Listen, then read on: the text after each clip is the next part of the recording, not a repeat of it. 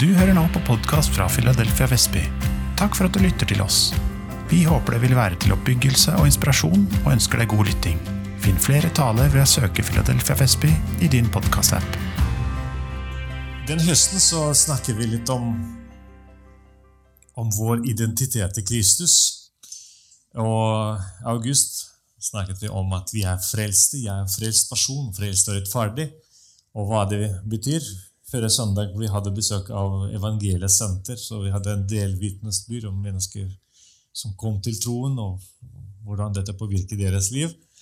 Eh, I september så har jeg lyst til å fokusere en del på at vi er Kristi kropp. En veldig spesielt uttrykk som brukes mye i Bibelen, men for dagens, eller for en person som er ikke vant til å gå i kirken, kan det være litt sånn veldig rart egentlig å høre dette ordtrykket, at jeg er Kristi kropp. Eh, med andre ord, jeg kan kanskje si at vi er Guds folk, eller et fellesskap av troende mennesker. Et fellesskap.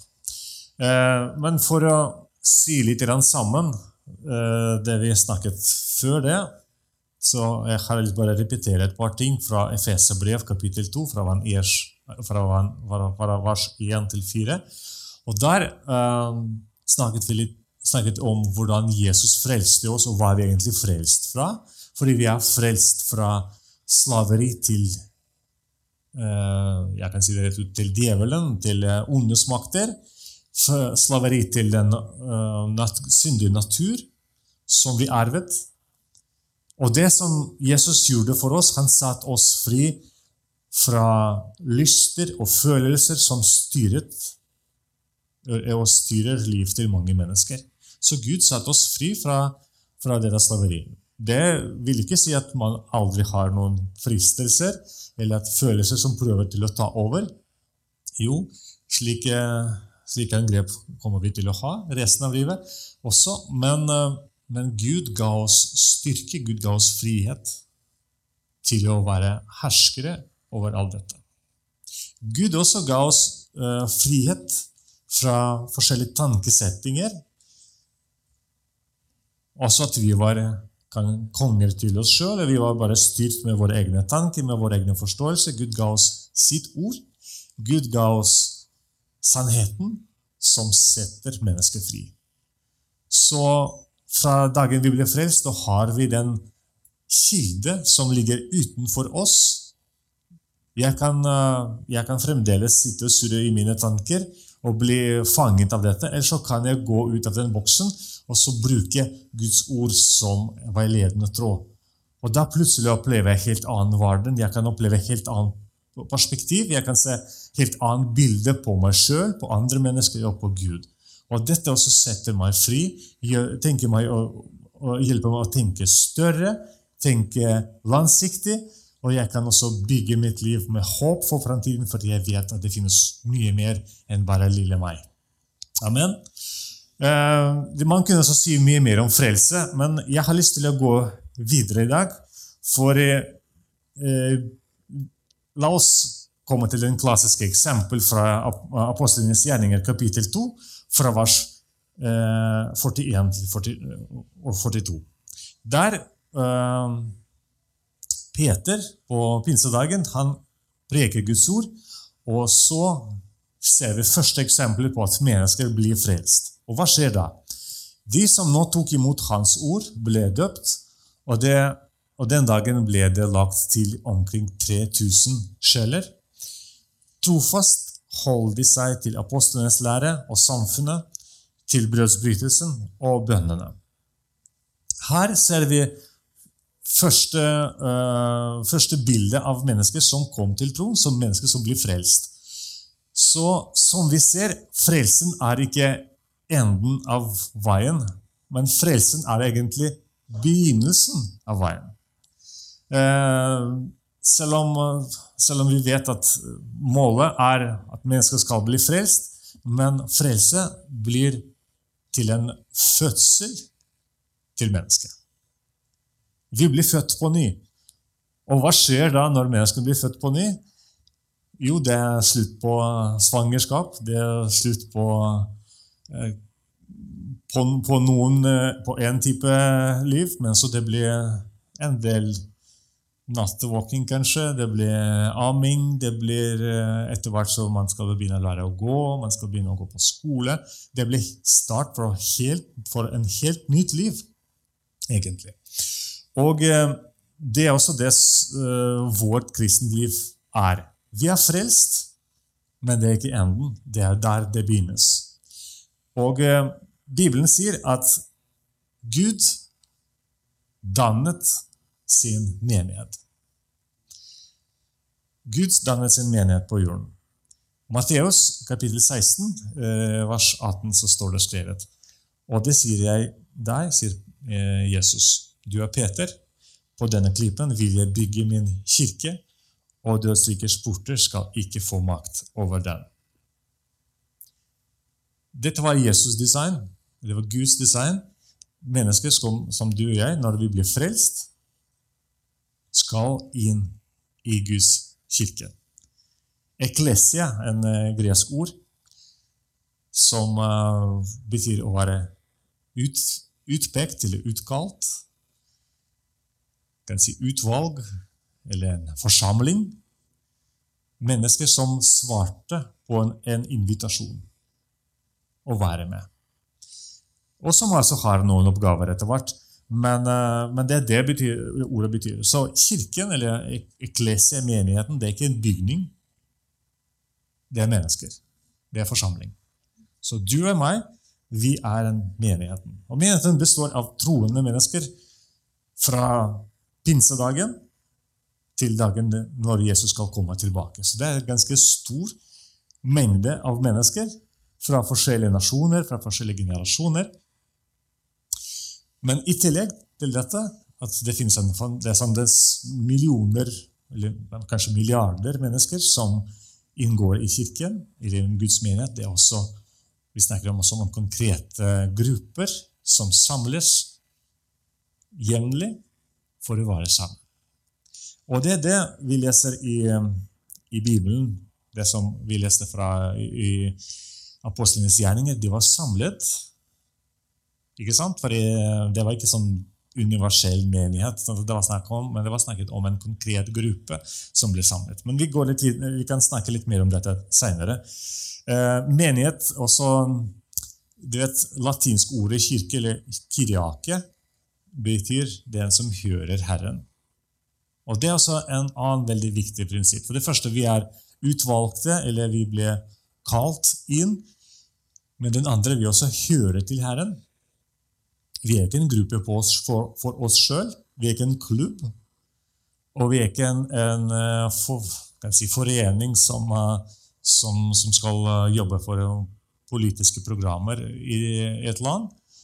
Men vi er en fellesskap som hører til noen. Vi hører til Herren. Vi hører til Gud. Og eh, en veldig sterkt ord, syns jeg, står skrevet i Efesa-brev, kapittel 1, 22. Alt la han under hans føtter, og ham hodet over alle ting. Han har gitt til kirken, som er Kristi legeme, fullt av ham som fyller alt i alle. Jesus er eh, hodet til kirken, og vi er hans legeme, eller hans kropp, og vi er fylt av ham. Fylt av ham. Så å tilhøre Herren det er også ikke bare å bære navn, men også man blir gjennomtrukket. Man blir fylt av Gud. Har vår, han har sin, eh, sin, tegn på oss. Han seilet oss med sin seil. Vi er hans eiendom. Um, hvorfor skal vi ha en kirke? Jeg kommer tilbake til den fødselen som du og jeg har opplevd som nyfrelste mennesker. Uh, når vi leser eh, apostlenes gjerninger igjen, så, så står det skrevet at hver dag ble nye mennesker frelst, og Herren la dem til menigheten. Det var Herren som gjorde dette. Han sendte ikke dem ut på misjonsmarkedet. Han sendte dem ut med en gang, men han ville ha en, et sted hvor de skulle vokse først og fremst. Og det er sånn med, med små og nyfødte babyer. De trenger kanskje ikke jobb med en gang, men de trenger et trygg sted å vokse i. De trenger fedre og mødre, brødre, søstre. De trenger tanter, onkler. De trenger kusiner og fettere. Fordi de skal vokse. De skal få næring. Det skal være et trygt sted å være i. De trenger kjærlighet. De trenger uh, rollemodeller. Ikke sant? Og det er noen av hva Kirken er ment til å være. En familie. Et fellesskap hvor det finnes åndelige fedre, åndelige mødre, hvor det finnes søsken, både store søsken og små søsken. Store som er litt formanende, og yngre som kanskje irriterer ofte.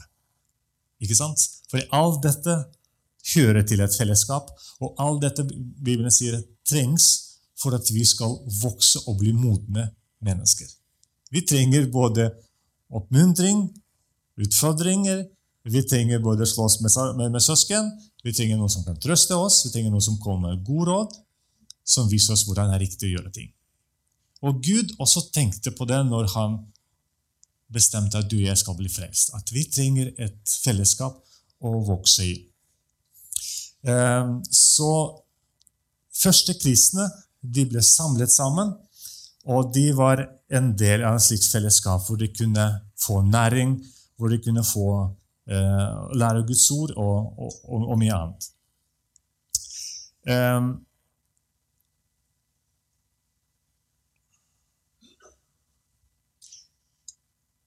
Gud er veldig opptatt av dette, at vi skal ha en identitet i en forsamling. Eh, en veldig spesiell bilde som eh, Jeg har ikke tenkt på det lenge før, men de siste årene har jeg begynt å tenke mer og mer hvordan, hvordan israelittene som gikk ut av Egyptet, symboliserer vår åndelige liv, vår, vår trosliv. Fordi eh, Gud satte dem fri fra, fra slaveriet. Og det første han gjør, han kunne lede dem rett, rett til Kanaan, fordi det er bare et par dagers reiser. Men isteden så leder Gud dem på en veldig unaturlig vei. Han leder dem først til Rødehavet. Så åpner, og den Røde havet ligger eh, du kan si Hvis, eh, hvis Kana ligger sør, eh, nei, nord, nord, nordøst, så Rødehavet ligger nesten sør, sørøst. da. Det blir på en måte helt annen vei å gå, men han leder dem til Rødehavet. Og ikke bare det, han, han tillater at farao skal jage etter dem. Og det blir skremt igjen. Så åpner Gud haven, leder disse folk gjennom havet. Og så de, de fiendene kommer til å dø der. Og etterpå så blir det flere år i ørkenen først med Sinai, med, med Tibud og med andre ting. Og så tenkte jeg dette dette er noe viktig folkens, som jeg også har lyst til å si om i dag. Fordi Gud, selvfølgelig, vi er frelste mennesker, og om vi dør, så går vi til himmelen med en gang. Men mens vi lever her på jorden, så trenger vi noe mer. Vi trenger å vokse i troen. Som eksempel, vi trenger uh, at Gud skal jobbe med oss, jobbe med våre tanker, med vår mentalitet. Fordi uh, Det var en teolog som sa israelittene gikk ut av Egypt, men Egyptene gikk ikke ut av israelittene. Sånn var det dessverre. Så selv om de gikk ut, så allikevel oppførte de seg som slaver. Så Gud jobbet i mange år for å danne en nasjon. En nasjon som, som lærer å tilby Gud som lærer oss selv den allmektige Gud både i Røde havet og på Sinai, som opplever mirakler dag etter dag, som opplever Guds omsorg, som opplever at Gud svarer på bønnene, som opplever at Gud også kan irettsette. Og når vi ser 40 år seinere dette folket som kommer til Jordan, det er helt annen type mennesker. Det er mennesker som innviet til Herren. Det er mennesker som, som, er, som er du kan si, strukturert allerede. De vet hvor de hører til. De vet at det ikke bare er sånn en, en haug med folk som gikk ut av Egypt, men de vet hvem de er, og de vet hvor de skal. Og de vet hvordan de skal innta landet. Ikke sant? Og det er det jeg opplever at altså, mens vi er i kirken, mens vi er i menighet, menigheten her på jorden, Gud også lærer oss, skaper oss vår identitet. At jeg ikke bare er en person som fikk høre om Jesus og så svarte ja, men jeg vet hva egentlig ligger i dette. Og i dag må jeg si jeg vet mye mer enn jeg visste for 20 år siden om hva det vil si å være en kristen. Når jeg døpte meg når jeg var 15-åring, jeg visste at jeg har lyst til å, til å, være en del av Guds menighet, men i dag så vet jeg mye mer hva dåpen egentlig innebærer. Og det er med alt vi gjør, at etter hvert så lærer vi. Vi blir mer og mer bevisste på hvem vi er i Kristus. Og Gud vil at den, den prosessen skal vi gå. Og ofte vi må gå sammen for å lære hvem vi er i Kristus Jesus. Gud gir oss ikke bare, eller Gud ikke bare skapte eller, eller, dannet menigheten, men han også gir oss til fellesskapet. Du og jeg ble plassert i, den, i dette fellesskapet. Um, jeg ser uh, Nå er det skjer veldig mye i Hviterussland, så jeg føler meg disse demonstrasjonene på gatene. Og være, Noen dager kan det være masse folk som er ute og demonstrerer. Og eh, politi, eh, politistyrke de ofte arresterer. Det er mange hundre og til og med tusen som blir arrestert de siste, siste fire uker. Men eh, det er også sånn at uh, ofte når folk går samlet, går i store mengder, det blir veldig vanskelig å arrestere dem. Og så der Folk er litt mer modige fordi de sier at det blir ikke nok plass til oss alle i fengsel. De får ikke arrestere oss alle sammen. Så det handler liksom om å gå samlet. Om å gå samlet. Og ofte det er de som på en måte går litt alene eller på siden, det er ofte de som blir arrestert. Og da hvis det er en, en, hvis en gjeng litt mer ivrig, så de til og med angriper politiet og så bare jager dem bort. Sånn skjer det også. Så å, ha, å, være en, å, være en, del av fellesskap, det gir en trygghet. Det er det jeg har lyst til å si. Og når vi står sammen som fellesskap, så kan vi også, Gud også tenke at dette er et sted som skal ta vare på hverandre. Som skal ta vare på hverandre, fordi vi er frelst. Men frelse det er fremdeles en som har lyst til å ha oss tilbake. Og når vi står sammen, så hjelper vi å bevare hverandre. Oppmuntre hverandre og støtte hverandre. Så Paulus, eh, nei, eh, jo, Lukas skriver at eh, vers 42, det som jeg leste allerede Trofast holdt de seg til apostlenes lære. Trofast holdt de seg. Det var ikke sånn av og til de var sammen, men de, de gjorde det som en sitt livsstil. Vi skal lære hva Gud har for oss. Vi har lyst til å vite hva er Guds ord for oss. Og det også var samlet i, i fellesskapet. De var samlet de delte om det var eh, noe godt som skjedde, eller de hadde delte både tro og tvil sammen. Og de, også, de hadde et brødsbrytelse. Og det er ikke bare nattvær, som vi kommer til å snakke om i dag, men de hadde, de, de, vers 46 sier at de også spiste hjemme hos hverandre, og de også var sammen i bønn. Dette er, dette er menigheten. Et miljø hvor man passer på hverandre, hvor man dele med hverandre uh, tvil og, og tro, hvor kan man bygge relasjoner med hverandre, hvor man kan tjene Gud sammen. Tilbe Gud sammen. Og det er det vi gjør faktisk i dag. Vi er kommet her, og jeg har lagt merke til før møtet starta Så det var litt sånn um, Du hører litt, litt noisy. Folk prater med hverandre. Kjempefint. Jeg savner helt ærlig helt vanlig kirkekaffe etter gudstjeneste. hvor man gi klem og så ta en kopp kaffe og så bare sitte og så ta noe bitt i og så bare prate og ikke tenke på den énmetersregel. Fordi det altså gjør noe med oss. Ikke sant? Og når vi begynner gudstjeneste, så Patrick kommer fram, og så begynner vi å prise Gud. Det blir en annen ting som vi gjør sammen. Vi utover vår troen. Jeg tror ikke, om jeg skulle vært valgt å være hjemme i dag på formiddagen, at jeg skulle stå, her, jeg skulle stå hjemme i stua halv time for å tilbe Herren. Det er veldig lett å gå bort fra dette. Det er veldig lett å finne en annen ting å drive med. Men når vi har kommet her, så sier jeg at den, den, timen, den tiden jeg, jeg innviet meg til Herren, jeg har lyst til å fokusere på Han. Så da ber vi sammen, da priser vi Gud sammen, da hører vi på Guds ord sammen og gjør andre ting. Utover vår troen. Samtidig så, så blir, jeg håper vi blir alle sammen inspirert. For der ser jeg at jeg er ikke den eneste personen her i området som tror på Jesus. Nei, vi er mange. Og i morgen så skal vi til på våre arbeidsplasser, og så kan vi be for våre, for våre arbeidskolleger, vi kan be for våre naboer, og så kan hende det blir et mulighet til at vi kan også dele noen ord med disse mennesker. Og På den måten så sprer vi evangeliet videre. Ikke sant? Så menigheten er en genial ting som Gud skapte, og han plasserer deg og meg inn i menigheten. Så at du og jeg skal være en del av dette fellesskapet. Um, det finnes folk som tror at de, er, de trenger ikke menigheten. Og det vil jeg si at i beste fall det er, eh, det er fedre og mødre som, som bare forlot familie, så vil bare leve for seg sjøl. Men i verste fall det kan være bare unge som, som plutselig havner på gata, og som kan være i, i fare for å, bli, for å havne i, i sånn usunne miljø, eller, eller oppleve andre typer farer. Gud har ikke tenkt at du og jeg skal, skal være alene, eller skal stå alene. Men, Gud skapte menigheten. Gud dannet menigheten så at du og jeg skal være en del av fellesskapet. Amen. Øyet, eller jeg kan si det, bekrefter det til meg Guds ord. da. 1. Korinterne 12, 21.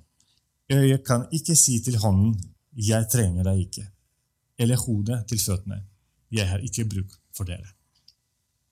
Ikke sant? Vi er et kropp. Vi er en kropp, og vi er forskjellige medlemmer, forskjellige lemmer. Så det blir helt umulig for kroppen å være bare en hånd eller bare en hode. Vi trenger alle. Amen. Guds vilje at vi ikke skal bare være inn i et fellesskap, men også at vi blir innviet til dette fellesskapet. Det er noe annet. Det er noen dypere relasjoner.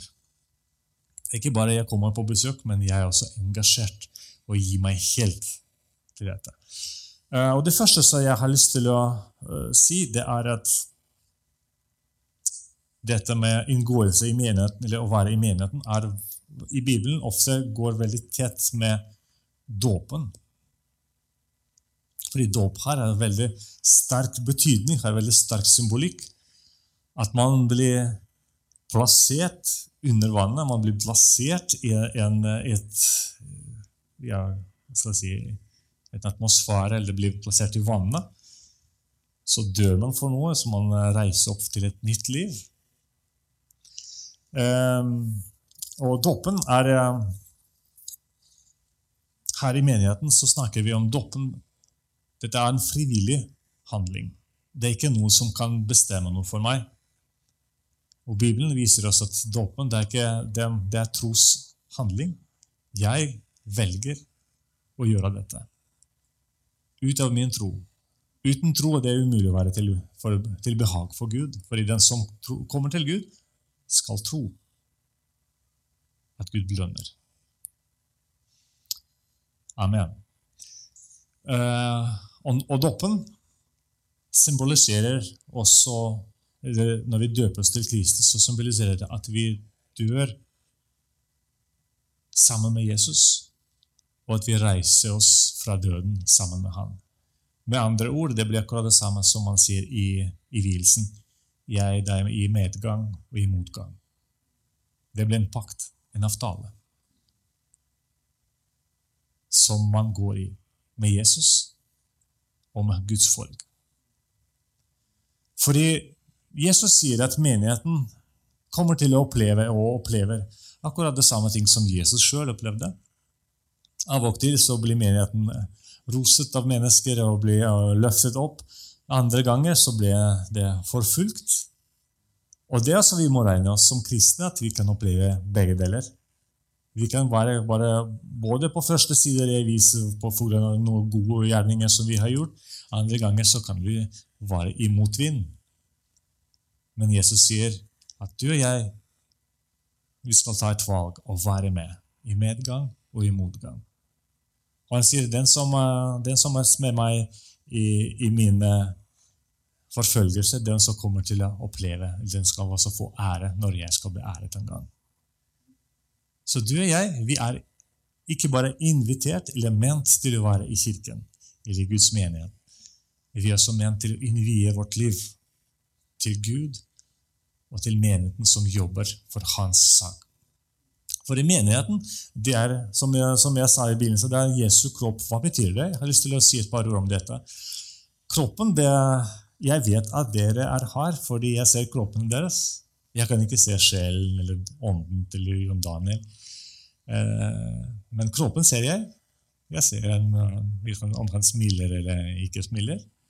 Det er det som gir meg litt inntrykk om hvem Jon Daniel er. For eksempel.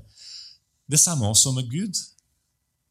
Vi kan ikke se Gud, men gjennom flere perioder i historien Gud hadde forskjellige måter han skulle, hvordan han manifesterte seg på jorden. I Gamle testamentet han valgte å manifestere seg veldig ofte gjennom sitt folk, Israel. Han valgte en nasjon. Og det var en nasjon som, eh, som ment, var ment til å uh, leve etter hans regler, lover. Og, så. og Gud var der, tempelet var der. Men så kom Jesus etter hvert. Og han, det var full, fylde, eh, Guds fylde var i han, i den eneste personen. Og når han forlot jorden, så bestemte han at menigheten skal fortsette. At du og jeg skal ha i oss hele Jesu fylde. At når mennesker møter en menighet, så sier de at dette er eh, noe annet. Det er ikke en klubb. Dette er kropp til Gud. Gud bor der. Hans kraft er der, hans ord er der. Vi er en slags ambassade hvor mennesker kan komme for eh, Eller kan si informasjonskranke også. Hvis de trenger en, eh, en råd eller trenger en, har en henvendelse, så henvendes til deg og meg. Og vi skal også peke videre til Bibelen, til Guds ord. Hans svar, hans kraft. Det er noe du og jeg vi er skapt til. Å være hans folk. Å, være, å gjøre han synlig på forskjellige måter. Privilegium også ansvar. Kommer å, jeg kommer til å si mer om dette neste søndag, for i dag skal vi snakke litt om, eh, om tjeneste for Herren, også dåp i Den hellige ånd. Mye mer om dåpen. Jeg kommer til å si mye om det i dag, men så, vi har en hefte som, som jeg har laget for et par år siden, som også ble revidert i år. Du kan finne en del informasjon, bl.a. f.eks. hvorfor døper vi ikke barn? Eller hva tenker vi om å døpe mentalt syke folk. Eh, hva kan man, eh, hvordan skal man tyde ordene at hele huset blir frelst, f.eks.? Og mye annet. Du kan, eh, du kan lese om, om, dette. Så jeg anbefaler deg altså, ta, ta tid i den, den heftet. Den ligger, eh, den ligger i, gangen der. Men hovedbeskjed som jeg har lyst til å, at vi skal tenke på i dag Gud inviterer deg og meg til å innvie seg til ham. Vi er frelste mennesker, men en gang i livet så skal vi ta et valg og innvie oss til ham. Jesus ble døpt når han var 30 år. Han var Guds barn allerede, så han skulle ikke døpes for å bli Guds barn. Han var Guds barn. Men han valgte å gjøre det fordi han bestemte seg for å innvie seg for det første til Israel som nasjon, eller det vil si til nasjonen som ventet på, på, på Herren. Og han bestemte seg å innvie seg til sak, til tjeneste som Gud hadde for ham. Og Dette er altså noe Gud Dette er et eksempel til deg og meg i dag, folkens.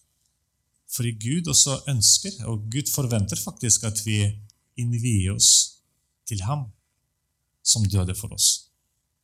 Til hans folk som venter på ham. Og at vi også bestemmer oss at ja, jeg blir frelst, men jeg også har lyst til at andre skal bli frelst. Jo, jeg er frelst, men jeg har lyst til å være hans ære her på jorden. Hans herlighet.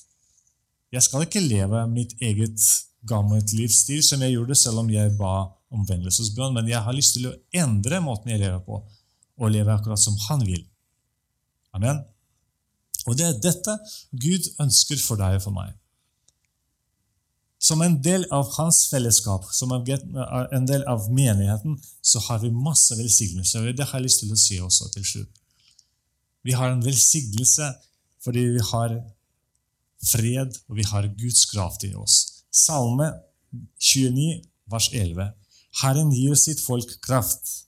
Herren velsigner sitt folk med fred. Husk sitt folk. Selvfølgelig Gud er glad i alle sammen. Og Gud vil at alle sammen skal bli frelst. Men det finnes noen velsignelser som hører til hans folk. De som hører Herren til. En veldig spesielt eh, bibelvers også, det er Efeserbrev 5.25. Paulus snakker om liksom familierelasjoner, om eh, relasjoner mellom kone, mann og kone, men også snakker veldig mye om Jesus og kirken. Den, dere menn skal elske hustruene deres, slik Kristus elsket kirken og gav seg selv for den, for å hellige den og rense den med badet i vann i kraft av et ord. Slik ville han stille den framfor seg i herligheten, uten flek eller rynke eller noe slikt. Hellig og uten feil skulle den være. På samme måte skal også mennene elske sine hustruer som sitt eget legeme. Den som elsker sitt hustru, elsker seg selv. Ingen har noen gang hatet sin egen kropp. Tvert imot gir en den næring og pleier den på samme måte som Kristus gjør med kirken. For vi er lemmer på hans legeme. Derfor skal mannen forlate sin far og sin mor og holde seg til sin hustru, og de to skal være ett. Dette er et stort mysterium. Jeg tenker på forhold mellom Kristus og kirken. Tenk, Han snakker om en ting som går inn i hverandre. For det første Han sier om den enorme kjærlighet som, Gud elsket, som Jesus elsket sin menighet. Han ga sitt liv. Hva gjør dette med oss når du vet at du er elsket så, så stort av din Gud at han ga sitt eget liv for deg. Dette er hans kjærlighet til deg. Han elsker deg så høyt at han ga faktisk sitt liv. Den andre ting som vi ser også ut fra dette verset, at Jesus han pleier og gir næring til sin kirke. Han gir næring til deg og meg. Når vi er eh, samlet i fellesskap, eller når vi er Guds ord, Vær sikker på at Gud gjør noe med deg. Gud gir deg alt du trenger. Og så den siste ting som jeg har lyst til å utpeke fra, det, fra, dette, fra disse versene. Han sier disse ordene at en mann skal forlate sin far og mor og holde seg til sin hustru. Og det samme faktisk gjelder vår relasjon med Gud. På en eller annen tidspunkt så skal man forlate sine gamle forestillinger og til og med kanskje noen fordommer og tradisjoner, og så bestemmer seg fra nå av skal jeg høre til Herren. Jeg har lyst til å være hans disippel, hans lærling. Jeg vil lære, lære av han hva det vil si å være en troende. Han satt på tronen i himmelen, men valgte å ta av sine klær, klær av majesteten og tok på seg sånn en, en skitten arbeidstøy for at du og jeg skulle bli frelst. Og han ikke bare gjorde noe som var kanskje litt ubehagelig, og litt sånn, eh, ja, men han egentlig ga sitt liv. Det var smartefullt. Men han gjorde det fordi han var glad i deg. Den 30, mann som var på 33 år, han uh, kunne hatt hele liv foran seg masse spennende ting som han kunne oppleve. Han kunne hatt familie, han kunne ha, gjøre en forretning. og Han ga alt for at du og jeg skulle bli frelst.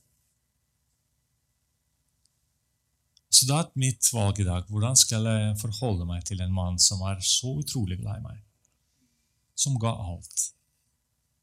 Skal ikke jeg gi ham hele mitt liv tilbake? Han, trenger, han spør ikke at jeg skal dø for ham, men han spør om jeg skal leve for ham. Han fikk ikke lov til å være 34, 35, 36 år, men det fikk jeg allerede. Og jeg kan fortsette hans liv Jeg kan fortsette i hans fotspor for at verden skal oppleve Jesus i dag, som han kunne vært når han skulle vært 40. Jeg er 40 nå. Og du, kanskje, du kan ta det til, til, til, din, til, din, situasjon. Gud inviterer deg og innvier seg til liv sammen med ham. For dette så skal vi selvfølgelig si ja, Jesus, jeg har lyst til å leve alt for deg. På det andre, jeg har lyst til å lære hva det vil si å leve for deg. Fordi jeg vet ikke, jeg kan sitte bare i min boble og min forståelse av hva det vil si å være en kristen. Men dette ordet her forteller oss hva det vil si å være en kristen. Hva det vil si å være Jesus eller hans bror og søster. Og jeg kan ikke gjøre det med, med, med min egen kraft. Jeg trenger din hjelp, Gud. Derfor jeg også innvier meg til å søke din kraft for mitt liv. Amen. Er du nysgjerrig på Jesus og lurer på å bli med i en menighet, men vet ikke hvor du skal begynne? Da er du hjertelig velkommen hos oss i et varmt og inkluderende fellesskap. Se filadelfiavestby.no.